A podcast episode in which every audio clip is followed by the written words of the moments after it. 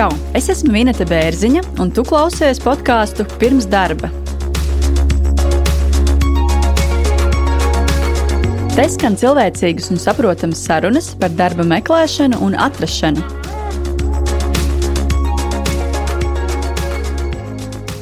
Šodien podkāstam būs nedaudz savādāks formāts nekā ierasti.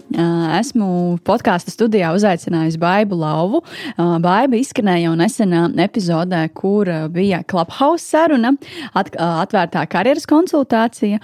Un šodien mani un Baiba intervējas Juris, podkāstu pirms darba producents. Sveicināti, Juris! Sveiki, Baiba! Tad es pārņēmu stafeti.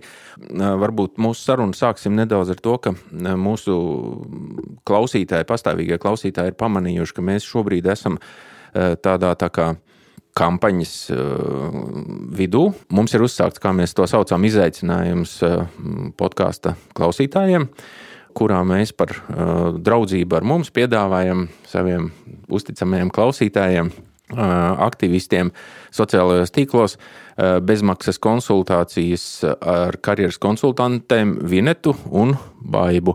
Un tā, tas pirmais stāsts varētu būt par to, varbūt meitenes var padalīties par to, kā līdz šim ir ar, šo, ar šīm konsultācijām veicies. Mēs varbūt neatklāsim precīzo skaitu, kas ir pieteikušies. Pieteikšanās bija visai dūšīga, un vēl joprojām tāda ir. Eh, bet eh, nu, tur ir runa par daudziem cilvēkiem. Varbūt vispirms, lai Vineta divos vārdos pastāstītu savu pieredzi, ko viņa līdz šim pagūvusi satikt mūsu fanus un ko viņa redzējusi, un tad arī Baiba padalīsies. Nu jā, paldies par jautājumu. Un es tagad precīzi nepateikšu, cik jau bija šīs karjeras konsultācijas, bet var teikt, ka vairāk kā desmit noteikti jau ir bijušas, un vēl, vēl krietnes pulciņš vēl ir ieplānots. Bet pat tā pati priecīgākā vēsts ir tāds, ka no aptuveni tiem desmit, trīs jau ir izskanējuši podkāstu intervijā. Tad, nu, tas nozīmē to, ka cilvēki, kur piesakās uz karjeras konsultāciju, viņiem ir iespēja pieteikties podkāstā uz interviju. Un trīs jau ir pabijuši, un šīs intervijas, manuprāt, ir bijušas fantastiskas fantastiskas. Jo pirmkārt, šie cilvēki ir darba meklētāji, otrkārt, ir podkāstu fani, un treškārt, ir gatavi dalīties ar savu personīgām veiksmēm un neveiksmēm. Un ko Baiba domā par mūsu uh, podkāstu klausītājiem? Kāda um, tev ir iespēja? Man īstenībā ļoti pozitīvi. Man liekas, tā pusstunda, ko es viņiem veltu, paskrien nemanot, un reizēm mēs pat uh, aizrunājamies vēl kādas desmit minūtes ilgāk, jo cilvēki tiešām ir ļoti atvērti. Viņi ir ieinteresēti uzklausīt, ieinteresēti uzzināt kaut ko jaunu. Viņiem patīk tas, ka mēs ar Vinetu varam nokonsultēt par to, par ko viņi nemaz nebija iedomājušies, kad varbūt ir kaut kas jādara savādāk, vai arī kaut kas ir jāuzlabo. Kā, par arī podkāstu esmu dzirdējis tikai labas atsauksmes. Visiem patīk, visiem, visiem tiešām priecē, un viņiem liekas, ka tā teikt. Jūs abi darat zelta darbu, tā kā cepuri nost un turpināt par konsultācijām, jā, kopumā veiksmīgas un uh, arī sadarbība turpinās ar cilvēkiem pēc šīm konsultācijām, kas man liekas ir pozitīvi, ka viņi ir sapratuši, ka izrādās ir tāda karjeras konsultanti un izrādās viņas var diezgan viegli dabūt, tikai ir nedaudz jāpameklē. Vai tu esi izdarījusi kaut kādus secinājumus par to, eh, ir tā, kur ir tie jautājumi, kuri šobrīd ir tādi karstie. Manā gadījumā ir bijuši vairāk tādu novirzienu. Viens ir par karjeras maiņu patiesībā, kad cilvēks meklē sevi karjerā un grib kaut ko citu, bet pats vēl īsti nezina, ko un taustās apkārt.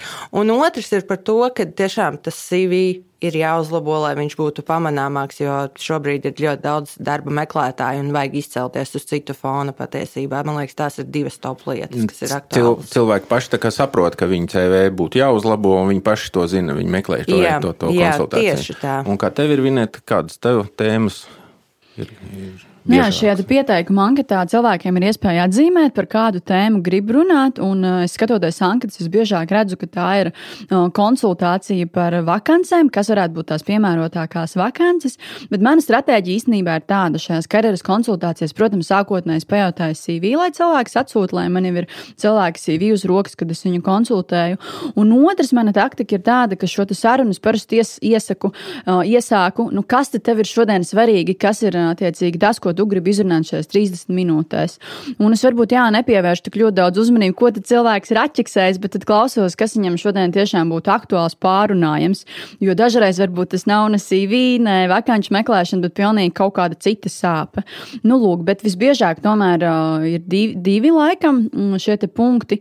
Otrs, ka cilvēks, viens attiecīgi, ka cilvēks nezina, ko īsti grib, un otrs uh, par CV grib dzirdēt atgrieznisko saiti, kas tad ir nepieciešams uzlabot un tā tālāk. Labi. Tātad šo tēmu mēs tā kā būtu izrunājuši, un es gribu vēl visiem klausītājiem no savas puses atgādināt, ka šī mūsu akcija izaicinājums turpinās. Tad par postu savos sociālajos tīklos jūs varat tikt pie bezmaksas pusstundas konsultācijas, karjeras konsultācijas. Izmantojiet šo iespēju. Mājā tas vēl notiks. Par, par tālāko mēs nezinām. Tā kā negaidiet, veriet vaļā mūsu podkāstu apraksts, meklējiet linkus un tur spiediet uz uh, pareizajām pogām. Um, es gribu izmantot šo brīnišķīgo iespēju, ka pie viena galda mēs esam sapulcējušies uh, cilvēki ar pieredzi personāla atlasē un novērtēšanā, ar dažādu pieredzi un um, parunāt uh, vai mm, piedāvāt klausītājiem paklausīties mūsu sarunu par to, ar ko atšķirās ceļi darba meklēšanā. Ir divas iespējas, ka, kad jūs meklējat darbu, jūs sūtat CV uz kādu darbu sludinājumu, un ir divi, divi ceļi, pa kuriem tas CV nokļūst līdz darba devējam. Viens ir patiešo uz darba devēja uzņēmumu, un otrs ir caur personāla atlases kompāniju. Un tur ir Tur ir nianses, tur ir atšķirības. Lai sāktu šo sarunu un izrunātu, kas tās ir pa atšķirībām un kā būtu jāsaprot, kas tur notiek ar jūsu CV un kāpēc tas notiek tieši tā. Eh, es gribu uh, palūgt vēlreiz Baibu un Vinetu tagad iepazīstināt ar sevi, bet jau kā ar savu šo pozīciju. Tad Vineta, kur tu strādā un kurā no šīm situācijām tu šobrīd atrodies? Es šobrīd strādāju finanšu tehnoloģiju uzņēmumā kā personāla atlases speciāliste un uh, personāla vadības speciāliste. Un uh, strādāju konkrētā uzņēmumā un attiecīgu darbinieku atlasu savam uzņēmumam, jeb savam darba devējam. Jā, un baiba. Tad es atkal pārstāvu personāla atlases uzņēmumu, kurš tieši strādāja ar personāla atlasi un cilvēku arī novērtēšanu. Un strādāju klientu labā, un klienti ir dažādi. Mhm. Un, vai tas ir noslēpums, ka tu strādā Enjoy Recruitment? Nav noslēpums. Tas, tas nav noslēpums. tā, tā, tā ir viena no uh, zināmākajām, es nezinu, vai senākajām, bet šobrīd aktīvākajām uh, personāla atlases uh, starpnieku aģentūrām. Un, un mūsu klausītājiem visticamāk, ka, ja kāds ir bijis aktīvos darba meklējumos, viņam ir uh, nācies varbūt saskarties vai vismaz redzēt vai dzirdēt par šo atlases uzņēmumu. Savukārt no savas puses par sevi es varu pateikt, ka es uh, kādreiz biju personāla atlases cilvēks. Es esmu strādājis vairākus gadus personāla atlases uzņēmumā. Man arī ir uh, savs viedoklis un savi novērojumi par to. Un, uh, atšķirībā no abām savām sarunas biedrinēm, es uh, varu atļauties izteikties varbūt brīvāk, jo es vairs tur nestrādāju. Tā kā, tā kā paskatīsimies, kas no tās sarunas sanāks.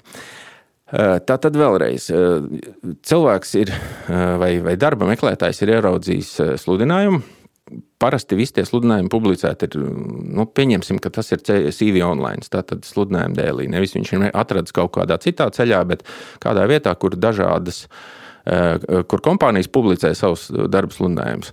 Un, un tas, ko daudz varbūt ir pamanījuši, tad, tad Iespējams, ka kompānijas sludinājumā ir norādīta darba vieta, bet tikpat ļoti iespējams, ka tur ir norādīta personāla atlases kompānija. Un bieži vien darba vieta nav redzama, ir redzama tikai personāla atlases kompānija vai kaut kāda noslēpumaina firma, kura runā par savu klientu. Ja? Tātad, ja tas sludinājuma teksts sākās ar vārdiem mūsu klients, kompānija tāda un tāda, tad, tad tas ir starpnieks. Un tas, kā varētu atšķirties eh, darba meklēšanas uzvedība, ja, tas ir tas, par ko mēs gribam parunāt. Pirmais jautājums, ko, lai saprastu šo situāciju, pirmais jautājums droši vien ir tāds. Eh, vispirms baigai, un droši vien arī tāds pats Inetai. Eh, saki, ar cik vakancēm tu baiba šobrīd strādā, respektīvi, cik tavā aprūpē ir šādu darba sludinājumu un, un, un šādu klientu?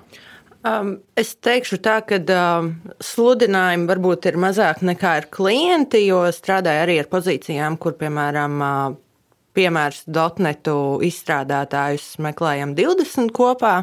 Nav noslēpums, attiecīgi sludinājums būs tāpat tikai viens. Uh, kopumā tās varētu būt plus mīnus. Rēķinot nevienas konkrētas pozīcijas, aptuveni kādas astoņas, pieņemsim. Mm. Tā tad uh, skaitlis personāla atlases uzņēmumā, personāla atlases speciālistam, rekrūterim, darbs ar desmit un varbūt pat divdesmit dažādām vakancēm. Patiesībā tā ir ikdiena Latvijā, vai ne? Jā, un Jā. reizēm ir tā, ka arī uz to vienu vakanci.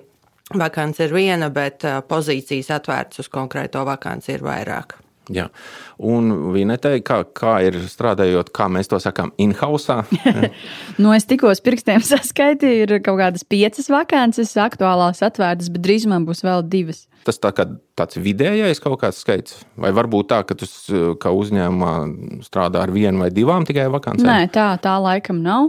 Nu, vidēji laikam ir jā, kaut kādas plus mīnus sešas, varbūt septiņas, bet ir bij, bijis arī periods, kad man liekas, kaut kāds desmit vai pat vairāk. Mhm. Labi, tad jautājums eh, nākamais. Varbūt tas nav gluži secībā, bet par interviju. Ko es gribētu uzsvērt, eh, ir atšķirība, vai kandidāts atrodas intervijā pie um, starpnieka, pie, darba, pie personāla atlases speciālista, kurš eh, strādā uzņēmumā iekšā un ārpusē. Varbūt katra no jums kaut kādu komentāru par šo uh, situāciju. Ar ko jūsuprāt uh, atšķiras tas, uh, tā saruna kandidāts un rekrūteris, ja tas ir starpnieku firmā vai pašā uzņēmumā iekšpusē? Tad varbūt es sākšu. Mūsu gadījumā, kā aģentūrai, iespējamība, ka cilvēks atnāk pie mums uz interviju, šobrīd attālināti, jā, tad ir tā, ka mēs varam piedāvāt vienu vai vairākas pozīcijas atkarībā no tā, cik daudz ir klientu pieprasījums.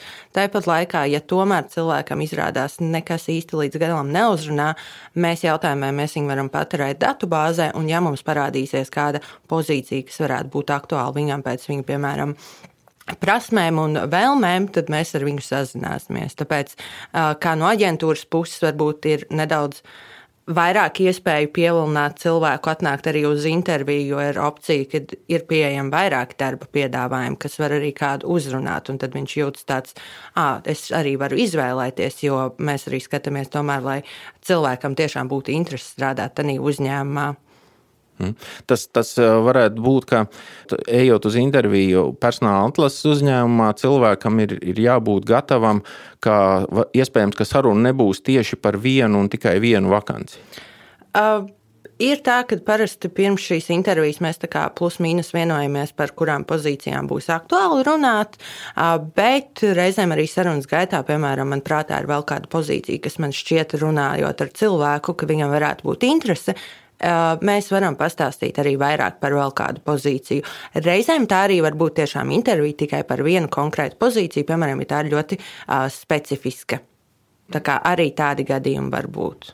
Labi. Un, Vineta, es saprotu, ka tas ir atšķirīgi nekā kompānijā iekšpusē. Ja?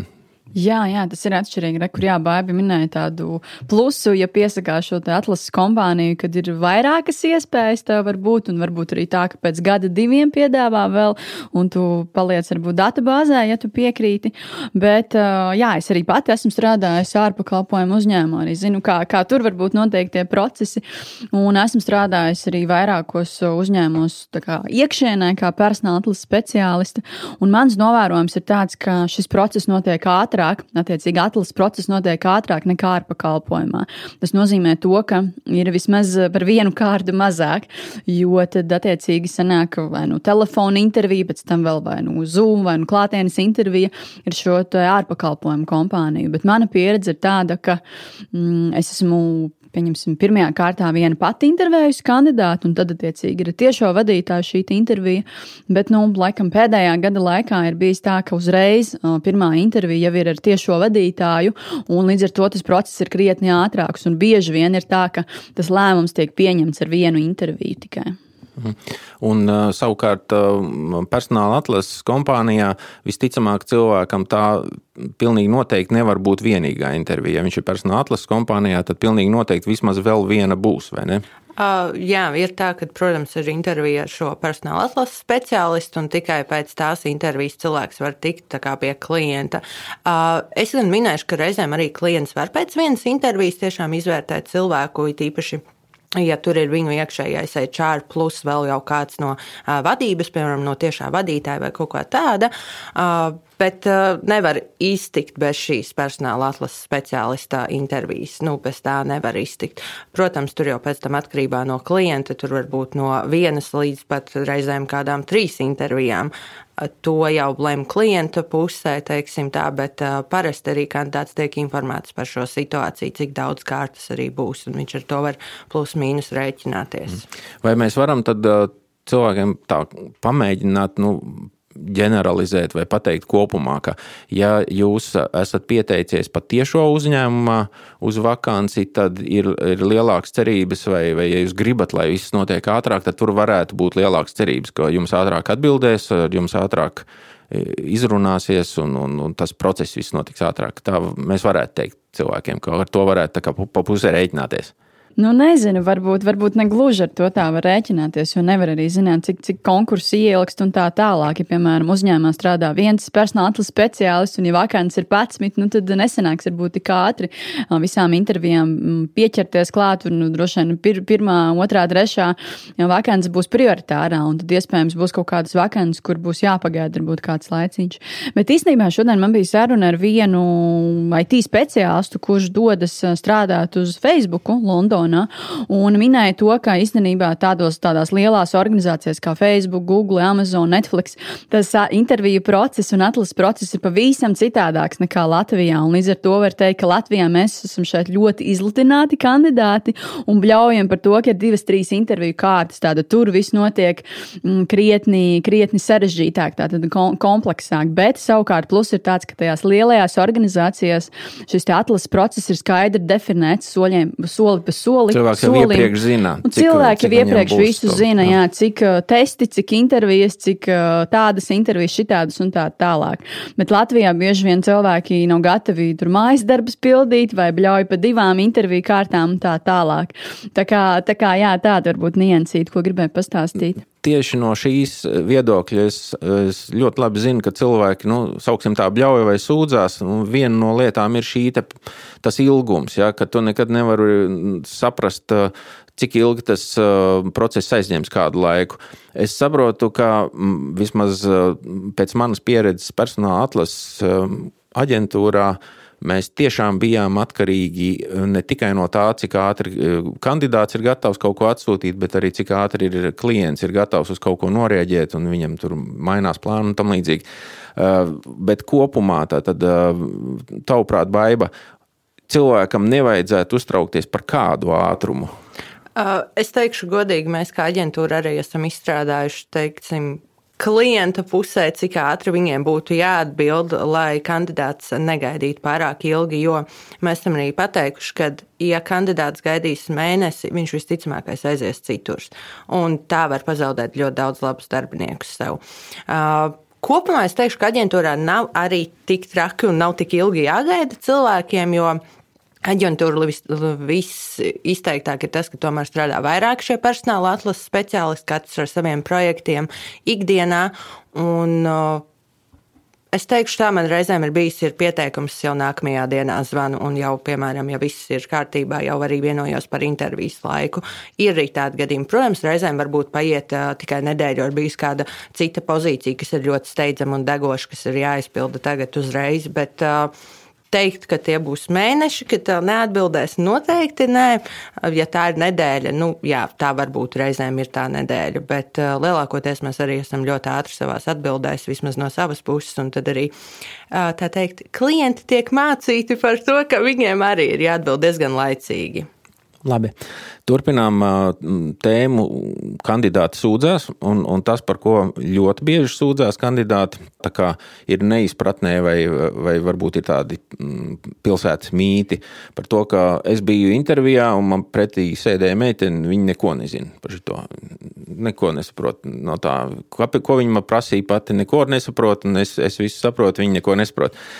Ja kandidāts vēlās saņemt informāciju par uzņēmumu, uz kuru viņš ir atnācis, tad būtu cerības saņemt detalizētāku informāciju tajos gadījumos, ja viņš atrodas patiešo uzņēmumā, uz darba intervijā vai uzdod jautājumus uzņēmumu iekšējiem rekrūterim. Tā ir. Es domāju, ka noteikti, jā.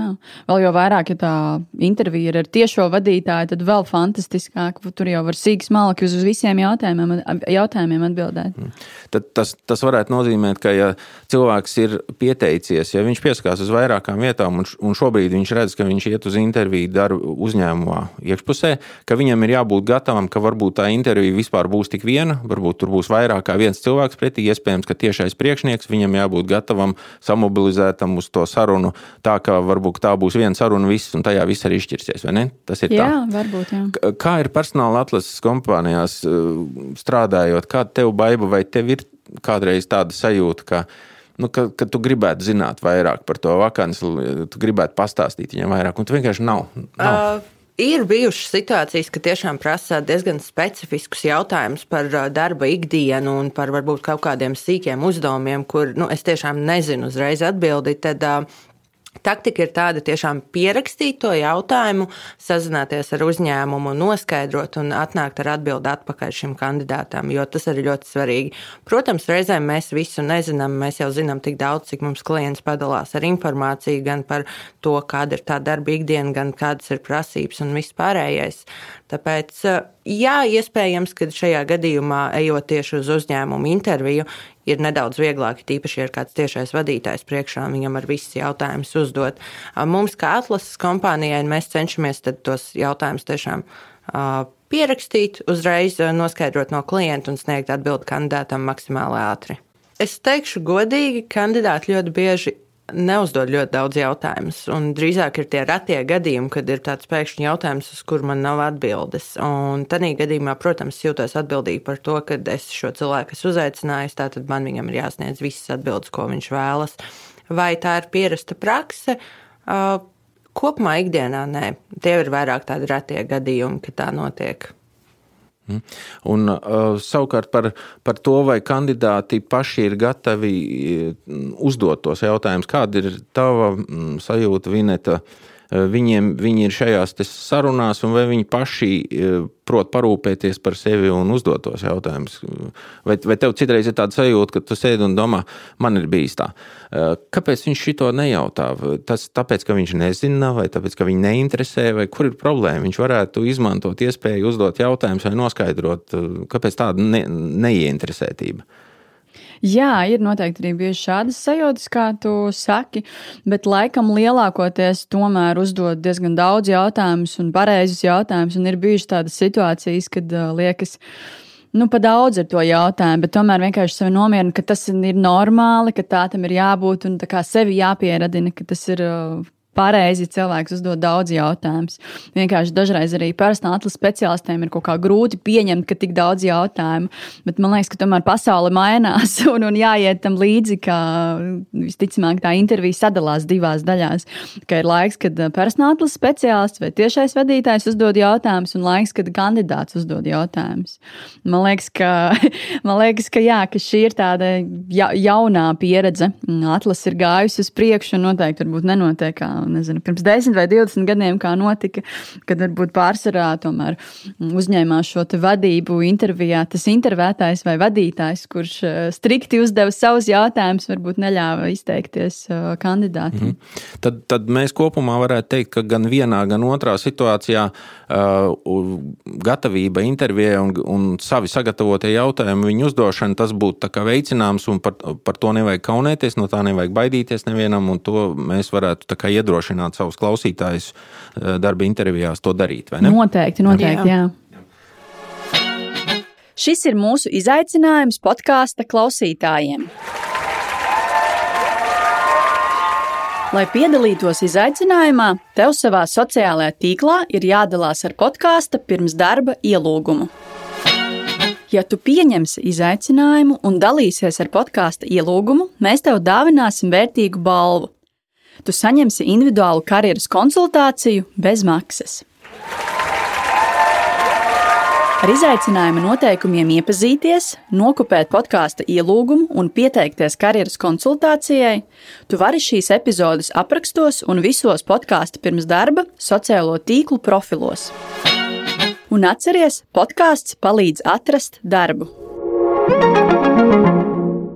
Nākamā lieta ir mans novērojums, un es gribēju jūsu komentārus. Eh, man šķiet, ka cilvēkam dzīvē nodara draugi, un, un viens no noderīgākajiem draugiem ir um, labi pazīstams rekrūteris. Varbūt pat katrā lielā kompānijā pa vienam rekrūterim. Jo, ja tu esi labi sevi parādījis vienā uh, sarunā, intervijā, darba intervijā, un varbūt pat tur neesi dabūjis vai ticis līdz finālam, un palicis tur otrais vai nezinu, sestais aiz strīps, bet palicis labā atmiņā, tad tas ir izdevīgi ka rekrūteris ar tevi ir parunājis. Uh, un, un es gribēju varbūt uh, noskaidrot, Baiba, tas droši vien tā ir, bet jautājums ir uh, nedaudz precīzāks. Vai tev bieži ir gadījušās situācijas, kad tu atgriezies pie kandidātiem, tāpēc, ka viņi kaut kādā iepriekš, kādā pavisam citā uh, vakāņu konkursā ir kaut kā labi sev parādījuši, un, un ka tas viņiem ir atmaksājies, jo tad tu viņus atceries izcēlīt ārā un ieliec pati kaut kur? Mm, es teikšu, ka noteikti, jo manā pieredzē tiešām ir. Reizēm ir daudz projektu, un mēs jau neesam tas gala lēmējs. Līdz ar to tas klients, jeb uzņēmums, ir tas, kurš izvēlās un paliek atmiņā kaut kādi kandidāti, kas ir izcēlušies ar kaut ko, vai ar viņu pieredzi, vai to, kā viņi komunicē. Un tad, piemēram, sāks jauns projekts, jauna pozīcija, kas tiek meklēta, un tad es iedomājos, ah, es nesen runāju, piemēram, ar Jāni jāuzzina viņam, jāpajautā, varbūt viņam interesē šī pozīcija. Bet uh, tas, man liekas, tā strādā, un tas ir pilnīgi normāli, kad, uh, ja ir bijusi laba komunikācija ar rekruteri, ja cilvēks ir pastāstījis visu un ir rā, rādījis savu ieinteresētību, kad labi, pat ja nesanāca šajā, droši var man padot ziņu, ja ir kaut kāda jauna, interesanta pozīcija, kas varētu interesēt. Mhm. Tas nozīmē, ka cilvēkam noteikti ir jānoskaņojas, ja viņš iet uz personāla atlases kompāniju, ka viņam ir jāatstāj kopumā tāds iespējas, un nevajag uztraukties, ka varbūt, varbūt šī nav pēdējā reize, bet šī varbūt ir izšķirošā reize, kad tu sevi labi parādīji, un nākamajās reizēs tev vairs nebūs sev jāparāda, tev vienkārši būs jāatsaucās? Uh, jā, jo nu, princips ir tāds, ja cilvēks tiešām nesen jau ir bijis uz interviju, no otru reizi viņu neaicinās, nav jēga terēt, kā es saku, vienam otram laiku. Vienkārši pazudīs, parunāsies, varbūt ir kādas izmaiņas, vai varbūt kaut kādas prasības, cits arī no cilvēku puses uh, mainījušās. Bet, uh, Jā, tas tā strādā. Nu, jā, tad, tad personāla atlases firmās ir ne tikai melnie, bet arī baltie saraksti. Ja, tā varētu būt. Kā ir ar, ar kompānijām iekšpusē? Kā tavuprāt, Vineta, vai tas ir reāli cilvēkus atcerēties, ka viņš ir labs, un, un tad viņu kaut kad atcerēties un, un, un saukt vēlreiz? Vai tas kompānijā iekšā ir vispār, vai tas darbojās? Nu, es to pavērstu bišķiņ citādāk. Tas ir jāskatās nevis kompānijas iekšēnā, bet uh, jāskatās uz to personāla atlases speciālistu. Vai šis cilvēks veido kontaktus ar kandidātiem vai nē, attiecīgi. Nu, esmu noteikti tā, kas veido kontaktus arī no mm, kaut kādām iepriekšējām darba vietām. Man ir kandidāti, kuri man prasa kaut kādus padomus vai raksta, ka ir darba meklējumos, sūta uz CV. Ir bijuši cilvēki arī, kuri piesakās uz karjeras konsultācijām, tie, kuri bijuši pie manis uz intervijām, sanāk un atcerās mani. Tā kā, nu jā, tad tad, manuprāt, tas ir vairāk atkarīgs tieši no šī speciālista, cik ļoti ir svarīgi izveidot šo kontaktu, būt laipnam arī un tādā veidā. Jā. Nu, var sakot, uzņēmumā, ja tu esi pretendējis piemēram uz galvenā grāmatveža amatu un tu neesi viņu dabūjis, tad cerēt, ka pēc pusgada būs atkal tāds pats konkurss, ir, ir naivi, jo tas visticamāk tas grāmatvedis tur strādā. Bet palikt labās attiecībās ar to cilvēku, kas tevi intervēja, atmaksājās ne tikai tāpēc, ka viņš strādā tajā kompānijā, bet viņš viņš vēl visu ko zina, un tas var noderēt šie kontakti un tīklošanās. Un noteikti, tā, ja? noteikti, jā, jo kā es par saku, Latvija ir maza, tu jau nevari zināt, kur, kur es būšu pēc kāda laika, vai kurš šis kandidāts nokļūs.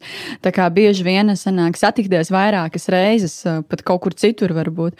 Tā kā noteikti es iesaku veidot visiem darba meklētājiem, parasti iesaku veidot kontaktus ar personāla atlases speciālistiem vai, vai personāla vadības speciālistiem, un arī otrādāk. Manuprāt, ja tu esi labs un profesionāls personāla atlases speciālists, tad tu pats veidosi draudzīgas attiecības ar šiem kandidātiem, jo tu nevari zināt, ka tev vajadzēs šo cilvēku, un tāpēc ir jāsaglabā labas un draudzīgas attiecības, ka tu vari jebkurā brīdī vēlreiz uzrunāt to cilvēku un uh, būt pieklājīgs, laipns un, un, un sak sakarīgs, nevis, nevis būt kaut kāds sau, sautīgs, ka rekrutē vajag cilvēku priekš viena projekta, un tad, nezinu, neatbilda, nedod atgrieznisko saiti, un tad, protams, neatbildēs tam nākamreiz šis cilvēks. Nu, tas ir tikai loģiski. Man sakot, draugi, būsim draudzīgi. vēl viena pilsētas leģenda, un tā ir tāda, ka vispār nav jēga uz kādām vakancēm pieteikties, jo tās tiek izsludināts formāli. Ka vispār neviens neko nemeklē, un ka tur jau viss ir sarunāts, un viņiem tikai vajag nodrukāt to sludinājumu, un tāpat tās tu tur var iet vai neiet, tev neņems, jo viņiem jau tur ir savs brālēns un tam līdzīgi. Par šo es gribētu nu, abu, abu jūsu komentārus. Es redzu, jūsu sejas skatītāji, to, klausītāji to neredz. Jā. Mēs te ķiķinam, jā. jā. Nu, es, jā, tad, es varbūt sākšu, jā, ļoti labs jautājums. Es esmu šo mm, kā, leģendu jā, dzirdējusi no daudziem darba meklētājiem. Un, mm, Nu, manā pieredzē, jā, varbūt man tā pieredze nav nezinu, mega liela, nav desmit gadi, bet jā, ir kaut kādi pieci gadi jau ir šajā personāla vadības jomā, un ir tās, nu, cik es strādāju, man nav bijis neviens tāds gadījums, kad uzņēmums, kad uzņēmums liktu fiktīvu vakanci. Nu, nu, varbūt iespējams es tikai mīnu, bet es nekad neesmu dzirdējis. Iespējams, tas ir kaut kāds valsts uzņēmums, kad ir obligāti jāizsludina šis konkurss, bet privātie uzņēmumi nu, noteikti tā nedara. Bet, jā, kā jau minēju, esmu daudz dzirdējis no, no darba meklētājiem, ka rekur izsludina vakances un te neaicina, jo tur jau ieliks jau savējo, viss jau ir sarunāts. Nu, es domāju, ka noteikti nē, nu neviens neliek šo vakanci bez jēgā, teiksim, tā noteikti ir kaut kāds iemesls un kaut ko meklē. Ir, protams, tādi gadījumi, kad šī vakance vairāk nav nepieciešama nepieciešami, jo varbūt paņem no iekšas cilvēku vai tiešām iesaka kaut kādu draugu paziņu. Tas ir attiecīgi pilnīgi normāli. Arī uzņēmumos ir šādas iesaki draugu programmas, kur iesaka draugu un dabū, dabū labu naudas balvu vai cita veida balvu. Tā kā mūsdienās tas viss ir normāli. Es, nu, es personīgi neticu, ka kāds liek vakanci tikai, tikai tāpēc, ka viss jau ir sarunāts un rekur mums ir jāieliek vakanci.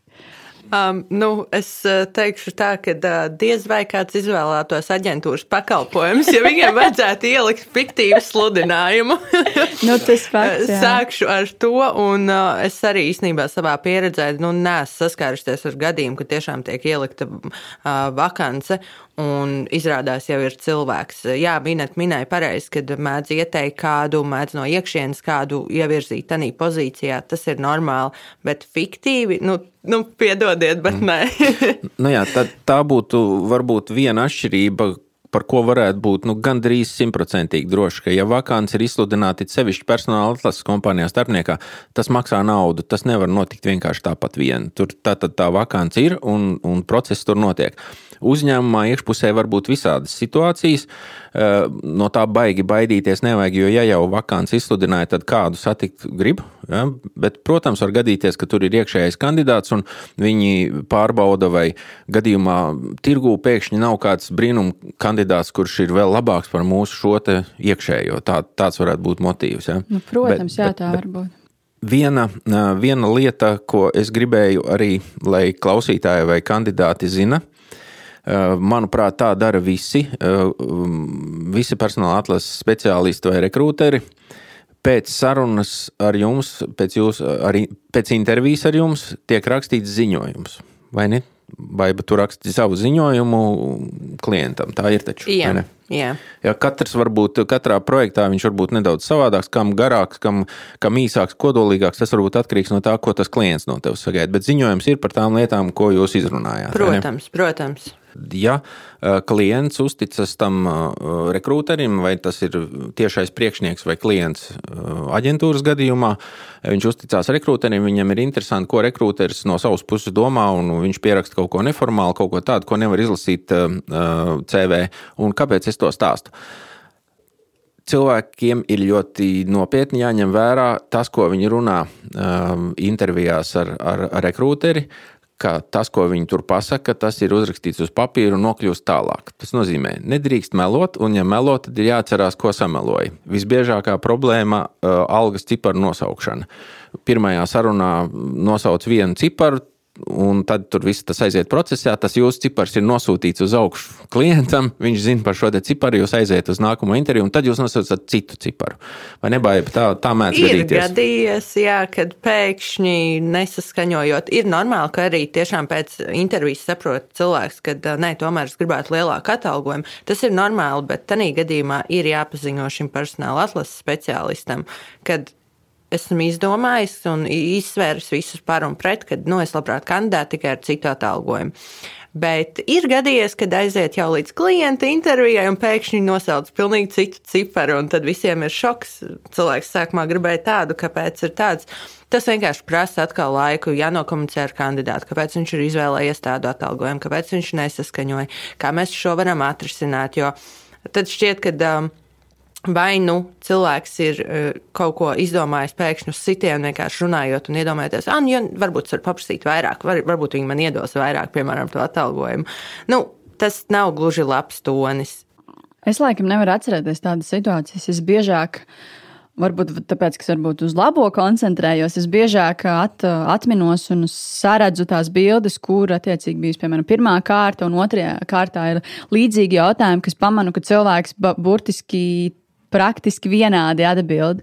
Un uh, to es pamanu, bet tā, ka bijušas krietni atšķirīgas atbildes, es kaut kā neesmu pamanījis. Bet, tā, tad, bet, bet to um, cilvēki piefiksē, un to ir jāņem vērā, ka to atcerās, kā jūs atbildējāt, un pozitīvi novērtēs to, ja jūs turaties pie tām savām liecībām, tad, tad tas nav, jūs neimprovizējat, ja tas tiešām tas, ko jūs sakat, tas tā ir, un tas, tā, tas ne, tam cilvēkam nav katru dienu kaut kāds cits domas. Ja, tas ir ļoti nopietni jāņem vērā, vai ne? Protams, jā. protams, jā. Nu man, man personīgi tā ka man ir, kad es intervēju, man ir tāda klāde, un kuras attiecīgi roku pierakstu kaut kādas svarīgākās intervijas detaļas. Un tad, kad ir šī otrā kārta, piemēram, tad es pāršķirstu un paskatos, kas man tur ir pierakstīts, un tad, protams, salīdzinu tās atbildes, ko cilvēks saka otrajā kārtā, ja šīs atbildes, šie jautājumi ir vienādi. Un, protams, jā, kā jau minēju, biežāk ir šīs vienādās atbildes, neesmu piefiksējis atšķirīgās, bet jā, man liekas, ka personāla speciālistiem darbs ir vairāk, vairāk, vairāk tomēr klausīties, un tad, jā, tad klausās un visu kaut ko piefiksē. Un šo brīnišķīgo sarunu noslēgšu ar, ar pēdējo manu piemēru no pilsētas leģendas, kas arī ir izplatīts viedoklis. Es dzirdu, ka par to komentē un par to izsakās internetā, kaut kādos komentāros, Facebook vai kaut kur citur.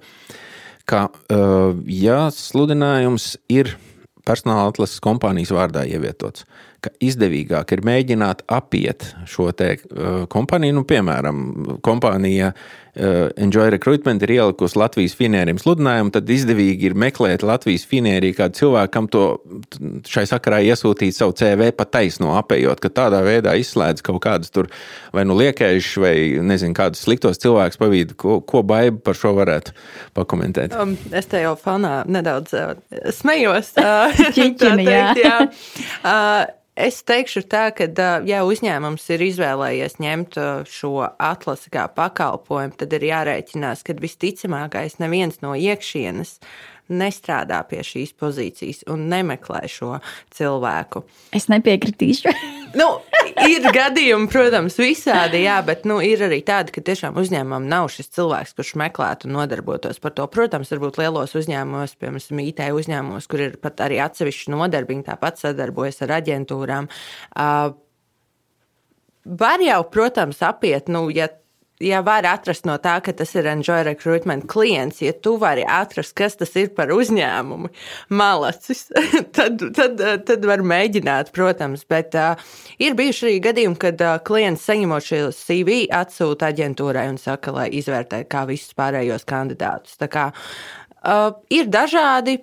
Ir, protams, arī gadījumi, ka uzņēmums pats meklē un vēl sadarbojas ar aģentūru uz kādu citu pozīciju.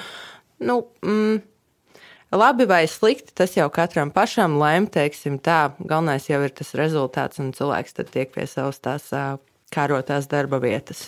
Kā minēt, ir vai um, uzņēmumi, kuros ir iekšā pašiem personāla atlase, tavuprāt, bieži un, un kāpēc viņi izvēlās dažreiz tomēr vēl arī personāla atlases aģentūru piesaistīt? Kāpēc tā notiek citreiz? Nu jā, to parasti izvēlas, lai var ātrāk atrast šo cilvēku un arī paplašināt šo kandidātu loku. Nu jā, es varbūt papildināšu nedaudz baidu, un te ir jāskatās attiecīgi, vai, sludinā, vai šo darba sludinājumu ir ievietojis tikai personāla atlases aģentūra un uh, konkrētais uzņēmums nekur nav izsludinājis šo vakanci. Tad, protams, es ieteiktu, kā jau baiba minēja, tikai vienīgi pa taisno uz personāla atlases aģentūru pieteikties un nekādā veidā nemēģināt atrast tur kādu cilvēkam nosūtīt nosūtīt CV uz uzņēmumu, tas nebūs tā kā nu, skaisti, nebūs labais stils. Bet manā pieredzē ir bijis tā, man liekas, ka simts procentos, ja izmanto ārpakalpojumu kompāniju, tad arī tiek meklēts arī no iekšienes šis cilvēks. Līdz ar to tiek izsludināta vakance gan no personālas kompānijas, dažreiz arī pat netiek izsludināta, tiek uh, uzrunāti šie cilvēki, un attiecīgi arī pats darba devējs izsludina šo vakanci. Nu, protams, ir kaut kādi gadījumi, kad varbūt personāla atlases aģentūra nepiekrīt šādam tādam scenārijam, bet nu, manā pieredzē laikam ir gan, gan, kad attiecīgi meklēju gan es, gan arī vēl palīdz personāla atlases aģentūra. Nu, tad mēs varētu šo norezumēt, šo tēmu, ka uh, to noteikti nevajag uztvert kā kaut kādu uh, ļaunumu vai, vai kavēkli to, ka tā, tā vakants iespējams, ir abos kanālos un ka tieši caur, tad, tad vajag pa katru cenu censties meklēt to tiešo kanālu. Tas, ja ir izvēlēta uh, aģentūra, kurai ir uzdot šis uzdevums, tad viņi to darbu var izdarīt tikpat, un, un jūs nekad nezināsiet, vai jūs būsiet vinnētājs vai zaudētājs, ja jūs iesiet vienu vai otru ceļu, tā kā labāk ejiet to, ko jūs labāk saprotat, kas jums šķiet vienkāršāks un saprotamāks, vai ne? Nu jā, arī, manuprāt, plusi, ja tu piesakies personāla atlases aģentūrā, ka tur būs bijis šī cita pieeja, ja tev pastāstīs vairāk par šo uzņēmumu, ko tieši tur sagaida, kā sagatavoties darba intervijai tur, nu, kā, tā kā tādus knifiņus, ko tad nepastāstīs personāla atlases speciālists iekšā konkrētā uzņēmuma. Jā, šo es eh, gribēju arī no savas puses pateikt, ka tas bija mans niķis. Eh, es, es eh, atzīstos, ka tos kandidātus, kad es strādāju par rekrūteru Mm, personāla atlases kompānijā tos kandidātus, kuri man patika un kurus es redzēju kā, kā potenciāli spējīgākus. Es viņus apmācīju, kā vajag uzvesties tālāk intervijās, un ko šito tu noteikti nesaki, un, un šito tu lūdzu dari šitā. Jo es neliku tam cilvēkam melot vai tēlot kaut ko. Es redzu, ir lietas, kuras viņam vajag savaldīt, un ir lietas, kuras viņam noteikti vajag atcerēties pateikt. Un, un šo jūs visticamāk tomēr sagaidīsiet no uh, personāla atlases kompānijas uh, starpnieka. No rekrūtera. Pašā kompānijā iekšā jums nebūs tāda iespēja, jo visbiežāk, nu, kā jau Vinēta teica, ja tā intervija notiek uzreiz ar, ar, ar, ar vadītāju kopā. Jā, nu, tur jā. vairs neko pa vidu. Nu, kāds tu esi, tāds esi. Tur vairs nav iespēja neko. Mm -hmm. Vai ne? Jā, jā.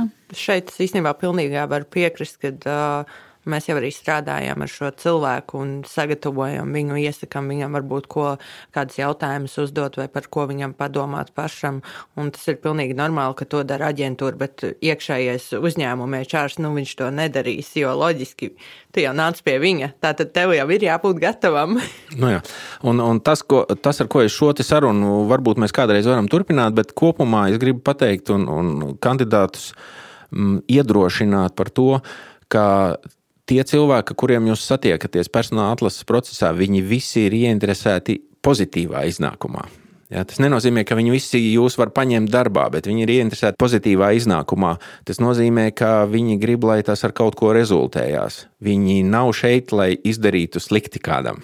Ne? ne tie cilvēki, kurš strādā personāla atlases uzņēmumos, ne tie cilvēki, kurš strādā uzņēmumā, personāla atlases vai, vai HR nodaļā. Noteikti. Jā. Labi, es domāju, šoreiz mēs varam šo um, jautro interviju ar, pabeigt šajā vietā. Ja, ja mm, mūsu klausītājiem būs interese par šo, viņi var rakstīt, uzdot savus jautājumus, komunicēt ar mums. Mēs varam varbūt paturpināt līdzīgā formātā sarunas par šo tēmu, uh, kā, kā personāla atlases cilvēki redz no savas puses un ko mēs varam ieteikt uh, jums. Un, um, paldies jums par šo sarunu un uz sazināšanos vēlreiz kādreiz. Paldies, Etā! Paldies, Etā! Tu noklausījies podkāstu pirms darba. Lai nepalaistu garām nākamās nedēļas epizodi, seko maniem ierakstiem LinkedIn un Facebook. Abonēt jaunās epizodes un noklausīties iepriekšējo sezonu intervijas var visās podkāstu platformās un YouTube. Ja esi pozitīvs un vēlies atbalstīt manu darbu, raksti komentārus un pārsūti manus ierakstus savam draugu pulkam. Uz tikšanos podkāstā pirms darba!